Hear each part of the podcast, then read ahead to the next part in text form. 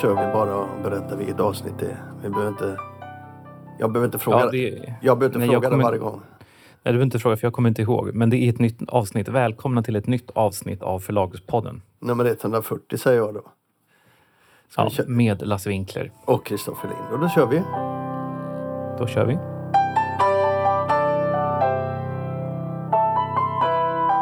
Du, eh, vi såg en intressant artikel som inte var i svenska medier utan det var i amerikanska medier. Som berör eh, Bonniers.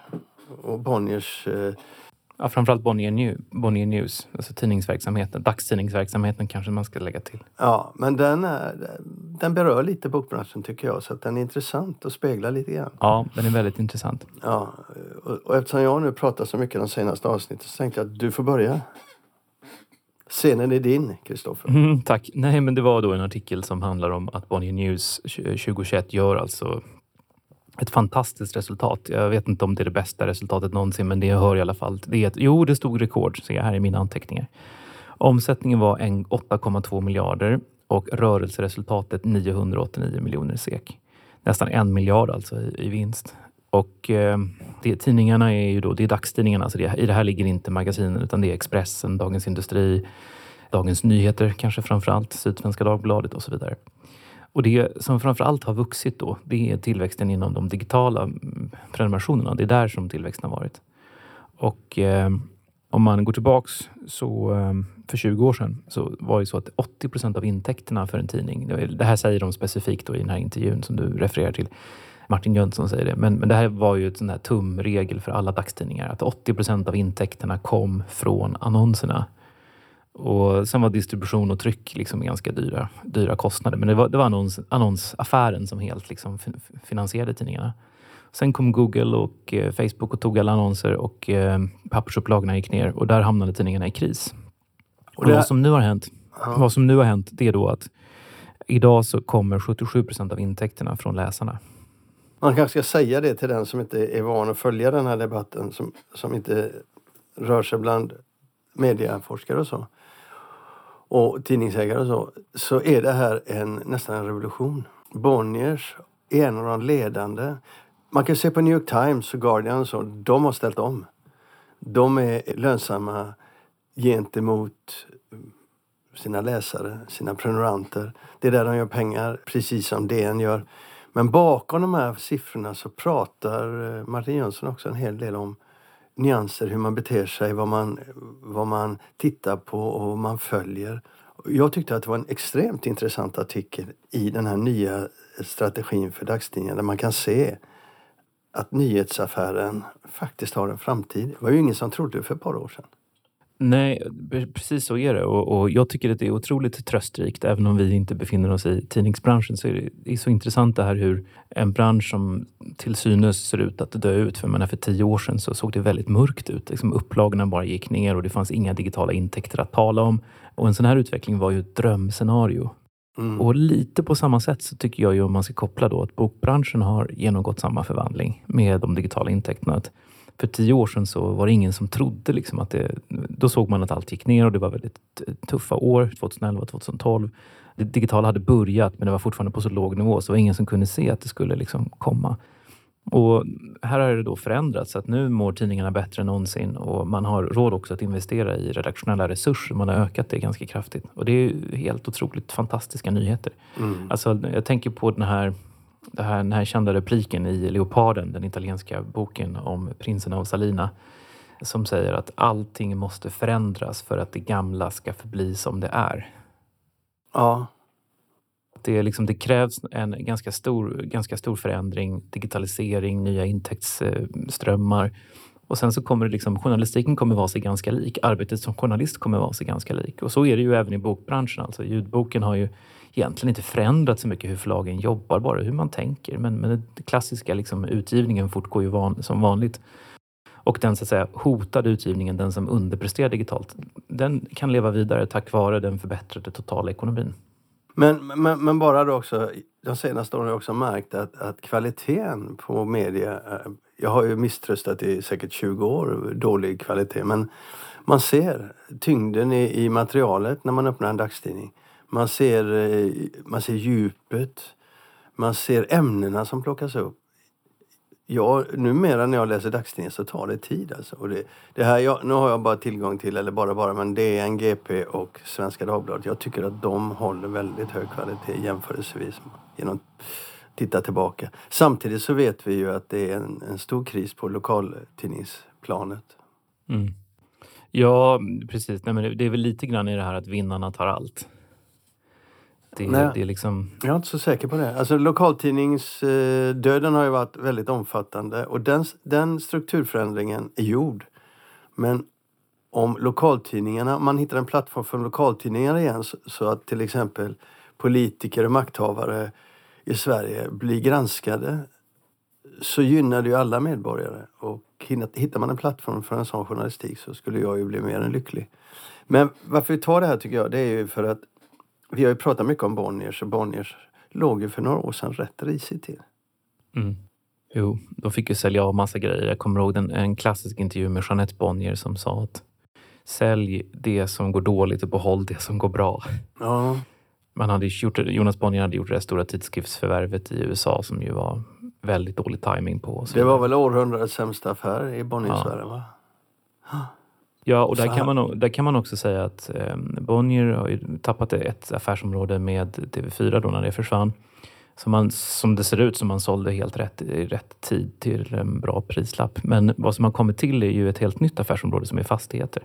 Eh, och känslan är ju lite grann att man ångrar att man inte hade fastighetsbenet mycket mer utvecklat och större tidigare. Och går man tillbaks tio år i tiden så såg ju hela, liksom, det var ju gammelmedia, det fanns ju liksom ingen, ingenting nytt i det här. Eh, och tittar man på, på Bonnier överlag så är det ju fantastiskt hur, vilka resultat då som Bonnier News men också Books levererar.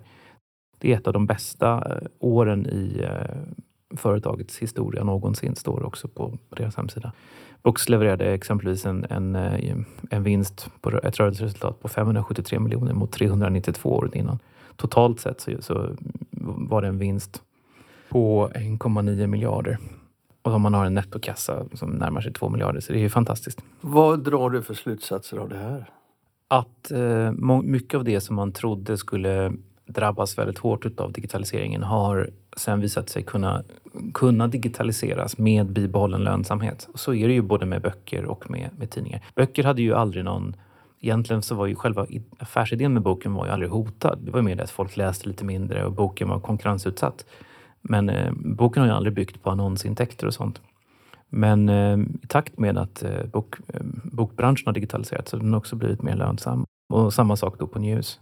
Mm. Det enda som eventuellt inte riktigt har klarat sig av, av Bonniers traditionella ben, det är magasinsdelen som i och för sig också gjorde ett väldigt bra resultat på Bonnier Publications. Gjorde ett rörelseresultat på 120, 120 miljoner kronor mot 86 året innan. Mm. Men där är ju också känslan av att de har, drabb- de har gynnats lite av, av eh, corona. Men det var ju en, eh, om man går tillbaka 50 år i tiden, så, och Lena Åkerlund och sådär. Det var ju en jättestor kassako för Bonnier och där har ju ändå digitaliseringen kanske delvis gjort att det ser helt annorlunda ut. Jag upplagorna har gått ner och folk har Instagram istället för att läsa modetidningar och sådär. Mina tankar runt det här när man ser media som ju har varit min primära intresse faktiskt i vuxet liv är ju att man ska vara väldigt, väldigt försiktig med att döma innan man har sett hur utvecklingen tar fart. Man kan, man kan inte avgöra hur morgondagen kommer att se ut. Man kan inte det och framförallt så behöver det inte alltid bli så dåligt som man först tror. Det finns en annan intressant eh, reflektion och parallell som man kan göra till bokbranschen i den här intervjun som den här, det här inslaget tog sin utgångspunkt i, nämligen intervjun med Martin Jönsson på, på Bonnier News. Och det är att Sverige är det land i världen där konsumenterna är mest villiga att betala för online content. Ja, precis. Ja. Mm. Och det är då 30 procent av svenskarna har gjort det och gör det regelbundet. Och det är ur en internationell synvinkel enormt mycket. Och kopplingen till bokbranschen är helt enkelt att det, det, kanske inte är någon, det kanske inte är en slump att det var just i Sverige och sen Norden som streamingtjänsterna blev så stora så snabbt. För att det fanns en stark liksom, betalningsvilja för det digitala och för att teckna såna, den typen av abonnemang. Mm. Du, vi ska inte dra ut på det här ämnet. Jag, är bara, jag tycker bara det är väldigt roligt att se hur, hur uh, utvecklingen inom media har förändrats så enormt. Och det gynnar på något sätt också bokbranschen tycker jag. En levande, en levande media gynnar också levande bokindustri. Så är det ju, men bokbranschen är ju en del av detta. För de som är intresserade av att läsa den här intervjun, som är en amerikansk intervju, så lägger jag länken i våran eh, i vårat intro. Vi har ju alltid eh, inför varje nytt avsnitt på vår hemsida och på Facebook så har vi ju en text om vad det innehåller. Där lägger jag eh, länken, länken.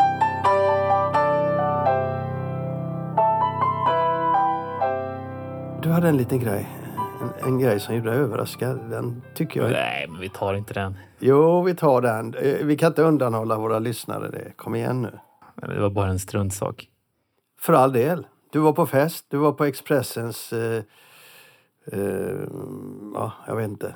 Vad var det? Kulturfest? Eller? Ja, det var Expressens kulturfest. Ja. Och så talade jag med en kulturjournalist som eh, eh, frågade hur det går nu och sådär. Och så, hon visste inte att Lind Company hade eh, köpts till 70 procent av Storytel. Så hon sa oj, jaha, så ni har precis som Brombergs, det hade hon koll på. Så då har ni flyttat in också på Riddarholmen? Och sa nej, vi sitter kvar i våra lokaler. Och då sa hon jaha, så de har liksom olika lösningar för, för olika förlag då? Och då så sa jag ja, jo, det har de ju, men det är ju också lite skillnad för det är liksom lite lättare att integrera Brombergs. Det är bara en person och ett ganska litet företag. Och Lind Company är i alla fall liksom 15 gånger så stora. Och då sa hon va?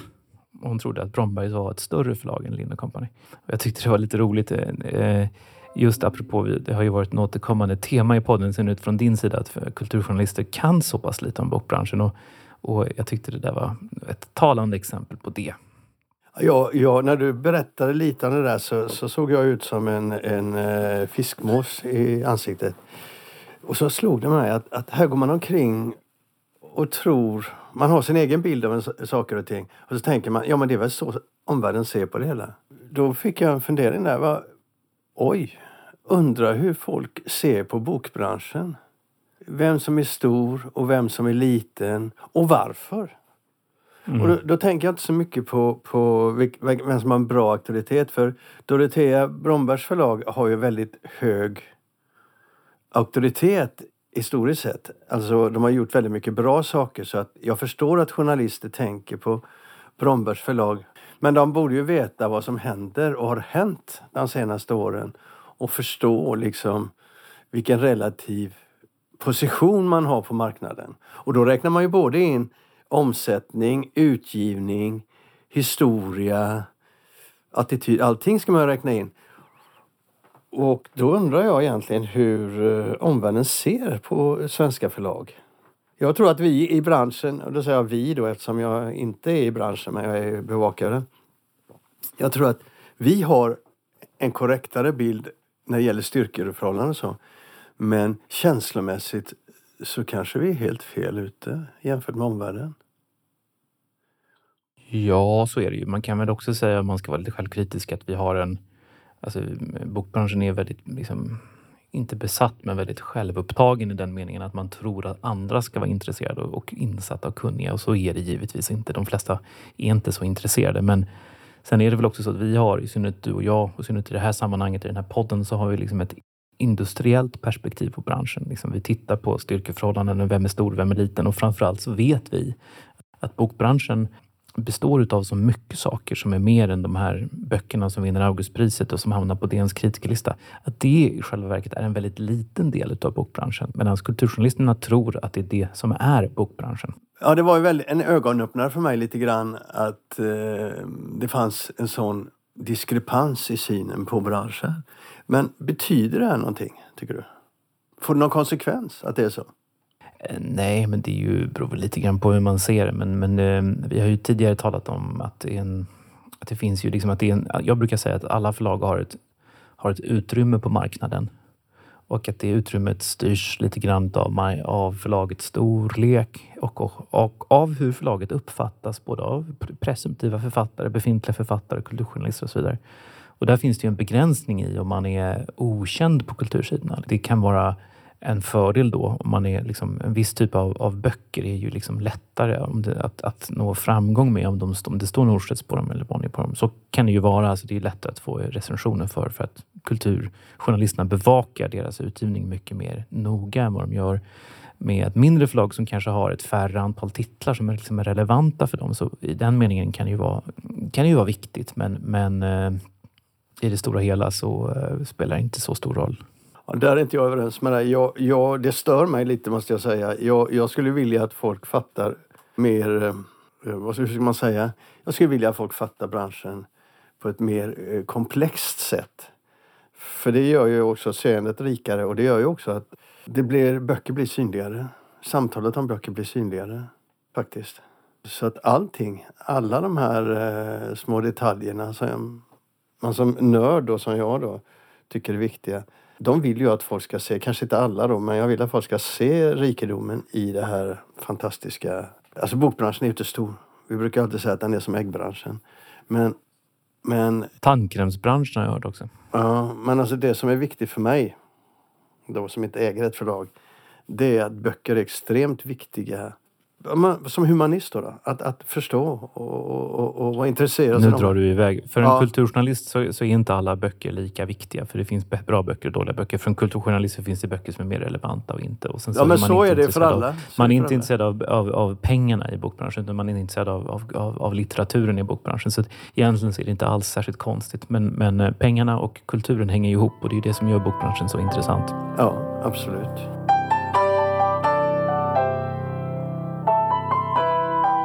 Ska inte du fråga mig hur många böcker jag köpte när jag var i London? Jag har sett eh, högen, du skickade mig en bild på den. Men eh, hur många böcker köpte du egentligen i London? Och hur många av dem kommer du att läsa? Jag köpte 28 tror jag. herregud, du hade med en resväska alltså för detta? Ja, jag hade, jag hade en biljett. Jag fick ha två resväskor. Det är det enda positiva med Brexit är att det fortfarande, nu, nu återigen så lönar det sig att köpa böckerna på plats och frakta hem dem. Ja, det finns ju ett par kanaler i Sverige som jag uh, använder mig av. Men nu passade jag på. Jag köpte till exempel på Waterstones på Gower Street, alltså vid studentområdet där, den favoritbutiken. De har ju en reminder-avdelning. Med mm, rester, den, är rester, ja, den är så jädra bra. Så jag köpte plötsligt sex böcker där som jag inte hade en aning om att de fanns. Och jag blev bara lycklig när jag såg den ska läsa, den ska läsa. Så de sex kommer jag att läsa. Men de kommer att ta tid. Mm. Eh, liksom Rebecca Wests brevsamling exempelvis. Den kommer, den kommer du inte läsa? Den kommer jag läsa under många år och njuta av. ja. Men hur många kommer läsa de 28? En var liksom en, eh, en sån här uh, Lonely Planet-bok över Berlin. Men annars var det 28. Jag kommer väl kanske läsa 20. Om jag lever. Mm. Mm. Och jag har redan börjat så att säga.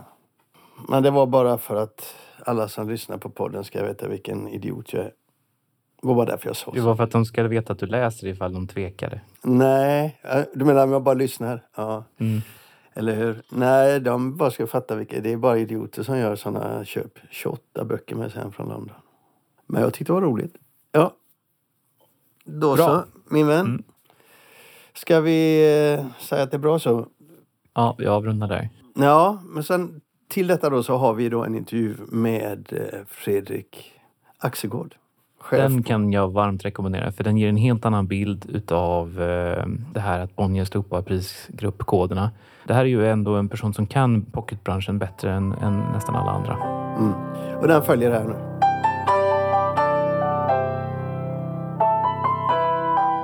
Det här samtalet utgår från ett inslag i förra veckans avsnitt där jag pratade med Göran Wiberg, på, eh, försäljningsdirektören på Bonniers, om att Bonniers har bestämt sig för att sluta ha fasta priser eller prisgrupperingar på pocket.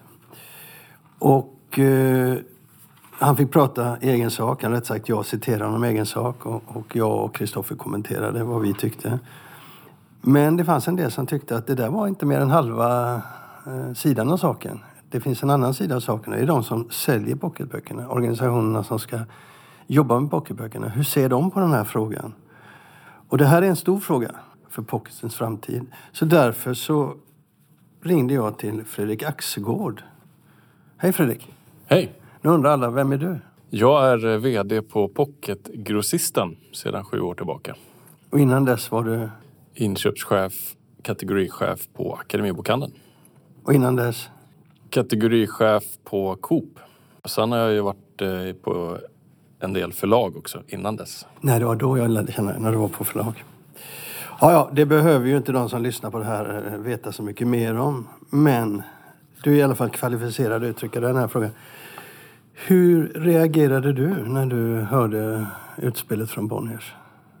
När jag först hörde det för eh, en vecka sedan lite drygt så uh, först blev jag uppgiven och uh, beklämd. Varför det? Till att börja med så tycker jag att det är flera delar. Dels så hur sättet man väljer att informera oss återförsäljare och sen att man äventyrar ett helt format på det sättet. Mm, det är två saker där. Den mm. första frågan den kan vi komma tillbaka till senare. Men vad menar du med att man även, varför äventyrar man ett helt format? Jag menar på att det inte är genomtänkt att ta bort en prisgrupp. Det som är, definierar en pocketbok det är dels formatet, det är en enhetligt format och sen är det prisgruppen. Ja, alltså de flesta som lyssnar på podden, de vet ju inte riktigt historien med det här med prisgrupper, men det gör du. Varför, ha, varför har vi det här egentligen systemet? För inga andra böcker har en fast pris mer eller mindre påtryckt på boken. Exakta bakgrunden har jag faktiskt lite dålig koll på. Men det handlar till stor del om enkelheten med prismärkning i butik. Att man slipper prismärka alla dessa pocketböcker som ges ut månad efter månad. Utan då har man en prisgrupp på baksidan av boken och sen en enkel priskommunikation i hyllan, en, en, en list kan man väl säga. Så. Att eh, prisgrupp A kostar så mycket ja. och prisgrupp B så mycket. Och Precis. Och så har det fungerat. Mm. Men vad kan hända nu tror du då? Nu riskerar det att bli eh, High Chaparral kring prissättning. Om nu alla förlag får sätta sitt förlagspris eller F-pris så kan det ju bli hur som helst. Vad ska man, hur ska man prissätta sin pocketbok? Eh, nu finns det en trygghet i det här systemet som finns med de prisgrupper som finns. Nu är det de flesta i de högre spannet. Det finns ju KLM är väl de som är de som används idag, framförallt L. Då. Då är det 35, 38 och 41 kronor i F-pris. Ja, precis. Det är ju 38 och 41 är de som används idag. Ja. Så man behöver egentligen inte ha de andra grupperna? Nej, så är det ju. Men det, det, är en eh, randanmärkning. Men du är kritisk för att det här kommer att påverka hanteringen av böckerna överhuvudtaget? Ja, vi fick information då i eh, förra veckan från en eh, vår kontaktperson, säljare på Bonnier att det här kommer vi införa. Vi kommer ta bort prisgrupper och det kommer gälla från och med höst. Och vi har inte fått någon, ingen kommunikation överhuvudtaget innan vi fick det här samtalet. Eh, inget förlag har fått informationen, ingen dialog kring konsekvenser för oss som återförsäljare. Så noll kommunikation och förankring. Och Men kan du förstå varför de gör det här? Jag hör och läser vad som sägs kring bakgrunden men jag tycker att det är feltänkt. Jag tror det känns som att man försöker maximera varje format och tänker inte på konsekvenserna av vad det kan innebära på sikt att man då dödar eventuellt ett, ett format. Det är var, trots allt 400 miljoner omsättning per år. Ja, men varför dödar man det genom att ta bort pris? Eh, man riskerar att göra det. Hur då? Därför att varje förlag får ju sätta sitt pris. Det finns ingen stringens kan man väl säga. Det, eh, nu har ju Bonnier kommunicerat att de ska sätta 45 kronor på alla pocketböcker oavsett. EF-pris? Ja. Från och med höst. Det är det senaste budet. Men, men hur på, varför? En sak är att eh, Bonniers har gjort detta, men du utgår från att alla kommer att göra likadant? Ja, hur blev, jag menar, nu är det ju så att eftersom inte det är kommunicerat med något annat förlag så kommer de jobba med prisgrupper i höst medan Bonnier då har sagt att de ska ta bort prisgrupper. Och hur blir det i butik för ICA, Pocket Shop, Akademibokhandeln? Hur ska man Men du måste hjälpa lyssnarna att förstå det. Ja. Vad, vad är problemet när du står i butik och får en, en bok som har fripris? Eh, den, är, den är satt utan att det står på baksidan. Ja, då måste vi prismärka i butik. Alltså vi måste prismärka varje pocketbok från Bonnierförlagen till att börja med. Och det kommer att ta tid. Det kommer att ta tid. Det är tid som vi inte har. Så det kommer att kräva nyanställningar.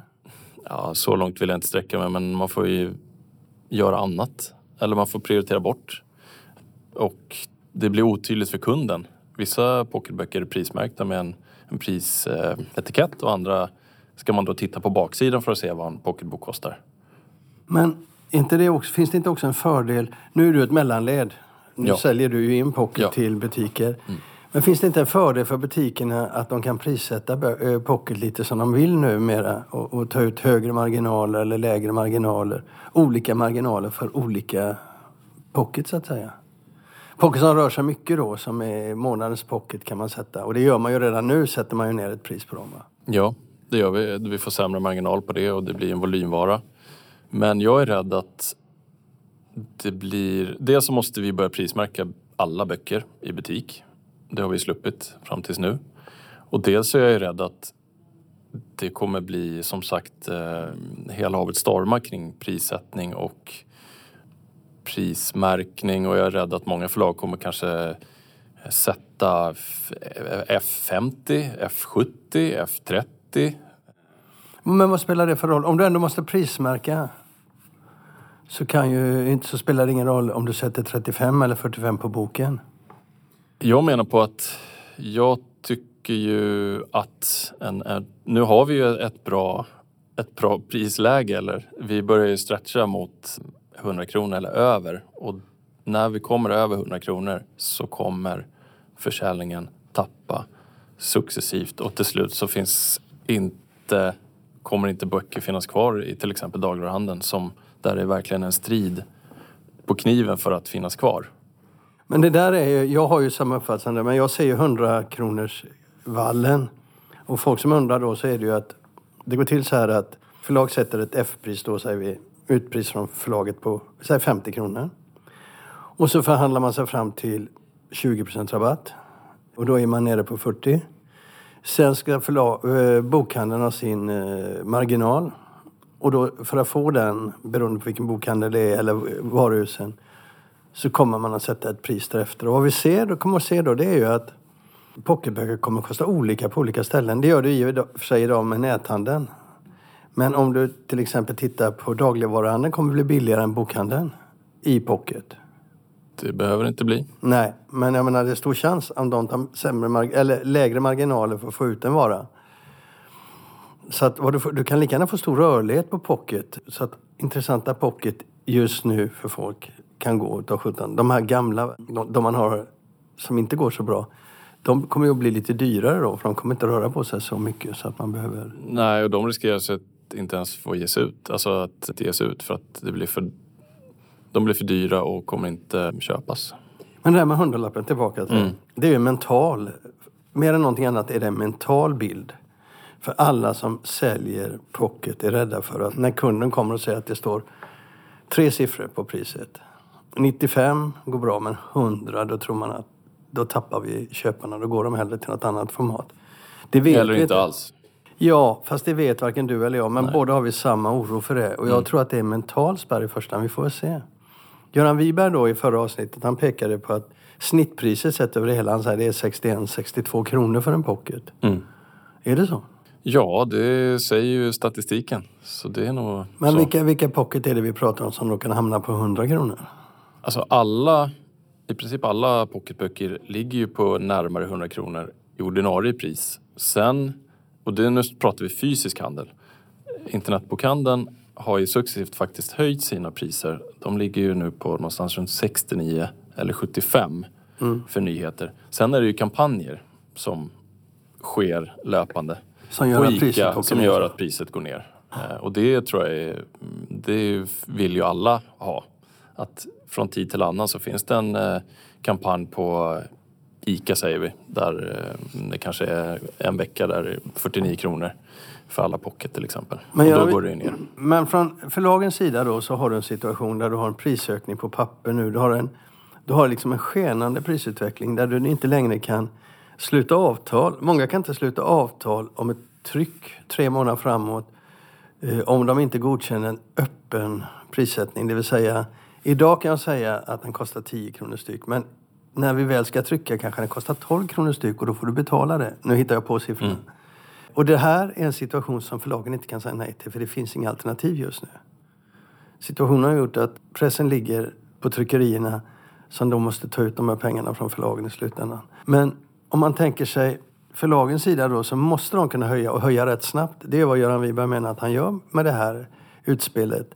Att vi måste snabbare kunna förändra prissättningen. Ja, och då kan man göra det genom att utnyttja den prisgrupp som också är framtagen och det är M, 44 kronor. Men istället väljer man att ta bort prisgrupper helt. Mm. Vilket jag menar är bedrövligt, för att uttrycka mig milt. Jag tycker det är nonchalant mot eh, fysiska återförsäljarna att bara genomföra utan att prata med oss. Har du hört några reaktioner från fysiska? Ja, det är ju bara negativt. Jo, men... eh, det- Såklart. Ja.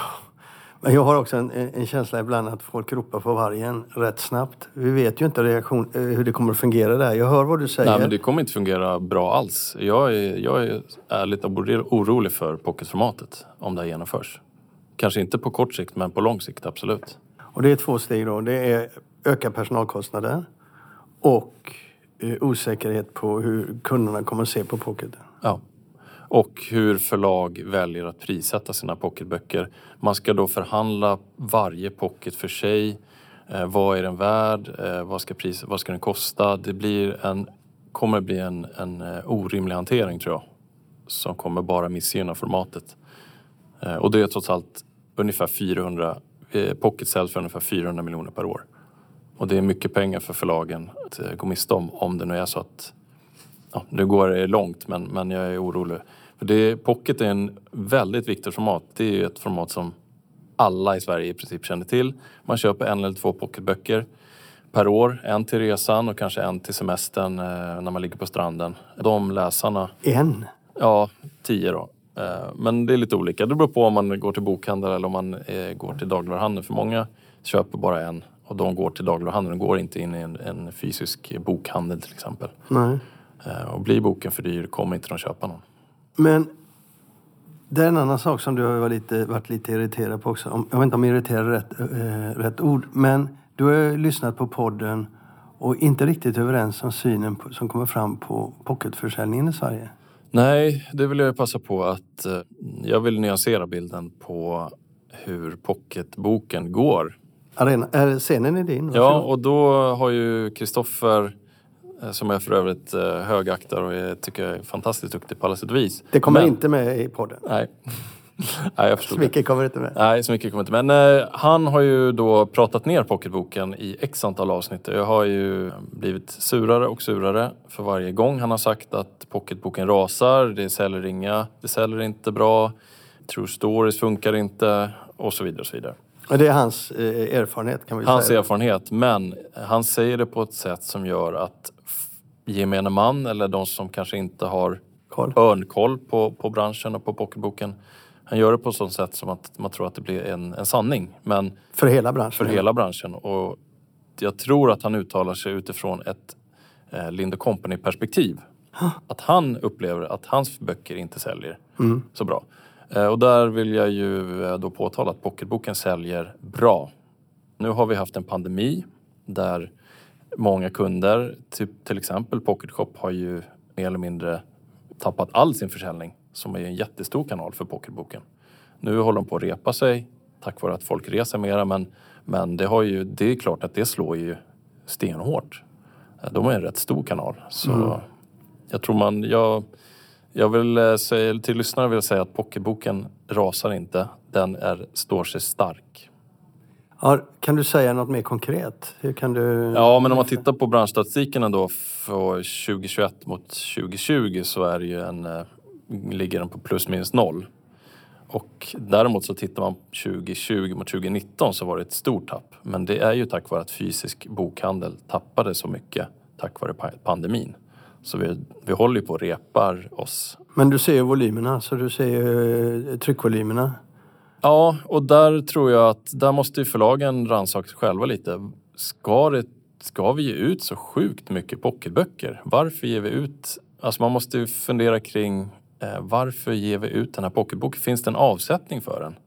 Vad har vi för kanaler? Um, och det är klart att det är klart man blir grinig om en pocketbok inte säljer med 500 ex. Men man kanske ska fundera ett eller två varv på vad, om man ens ska ge ut. Det är ju så att man ju, i vissa månader är det uppåt 100 titlar som, som ska ges ut. Nya ja. Nya. Och det är omöjligt att få snurr på alla dem. Hur skulle du vilja ha det då? Ja, för min del får ju förlagen ge ut hur många de vill. Men vi, i mitt fall, så har vi ju en, en vi väljer ut massmarknadsböcker om man säger så. Eller lite bredare. Eh, I och med att våra kunder är ju det är dagligvaruhandeln i första hand. Och där förväntar man sig inte att det ska vara en, en diktsamling eller en, en smalare debattbok. Men jag tror för förlagens del, så för att de ska få lönsamhet i en utgivning så måste de tänka till ett och två varv och kanske till och med förankra eller se vad man får för order innan man tar beslut om att trycka den. Då får man väl helt enkelt, om man inte får tillräckligt mycket order får man stryka den pocketboken. Och då ska lyssnarna också veta att, att eftersom pocketgrossisten då förser eh, dagligvaruhandeln med pocketböcker så har vi också näthandeln och så har vi också eh, bokhandeln som har kanaler, stora kanaler för pocket. Och där finns det utrymme för en bredare utgivning. Men det är klart att hur bred den kan vara, det vet varken du eller jag. Nej. Men för din del så, så tycker du det är för mycket? Ja, men är det vi, vi säger ju nej till jättemycket och det, det tror jag även Pocket Shop och Akademibokhandeln gör. Nätet, där finns ju alla böcker såklart. Men det gäller att kunderna hittar dem också. Ja, så är det. Du, finns det någonting i den här frågan som jag borde ha frågat om som jag inte har gjort? Jag menar, vi kan ju inte gå härifrån så kommer jag på att jag missat den viktigaste frågan. Nej, precis. Jag... Eh, ja, off the record då. Inget annat förlag hade ju kommit på tanken att genomföra en sån här stor förändring utan att förankra med vare sig förlag eller återförsäljare. Och det har man ju valt att strunta i det här läget. Och då är ni ändå Bonnierägda delvis? Ja, 45 procent ägs av Bonnier. Ja. Så de har ju inte förfördelat någon här utan de har varit likadana mot alla? Ja, de har varit eh, konsekventa och jag... Det hade något annat förlag kommit på tanken att göra så här så hade vi ju bara tyckt att de var... Nej men de har ingen makt. Bonnier har ju makten och det är därför jag tror att alla kommer följa efter. De blir tvungna att följa efter. Till slut blir det ju alltid så. Ja, för Bonnier är tillräckligt stora så de kan styra marknaden. Och jag menar på att ta ert förnuft till fånga.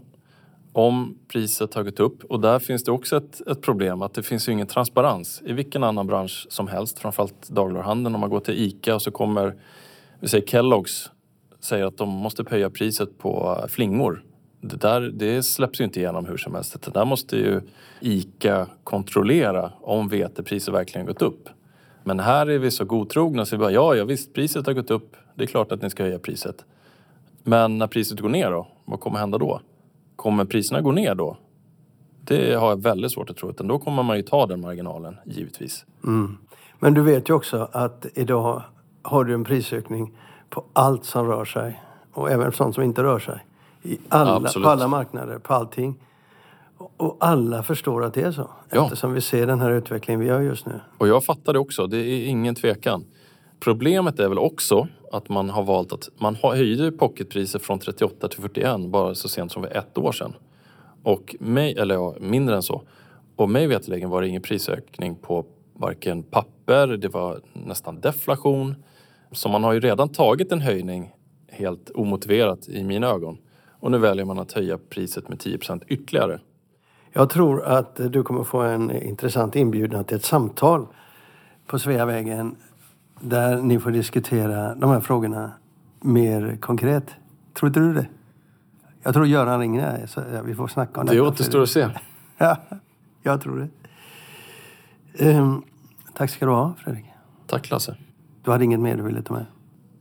Nej, det, man, det jag kan säga att det vill säga är att jag tycker eh, hanteringen är, det är nonchalant och lite respektlöst mot fysisk handel, övriga förlag och eh, branschen i, i stort.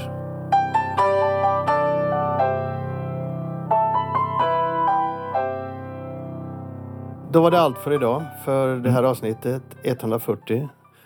Eh, och vi hörs om en vecka. Det gör vi. Hej då. Hej då.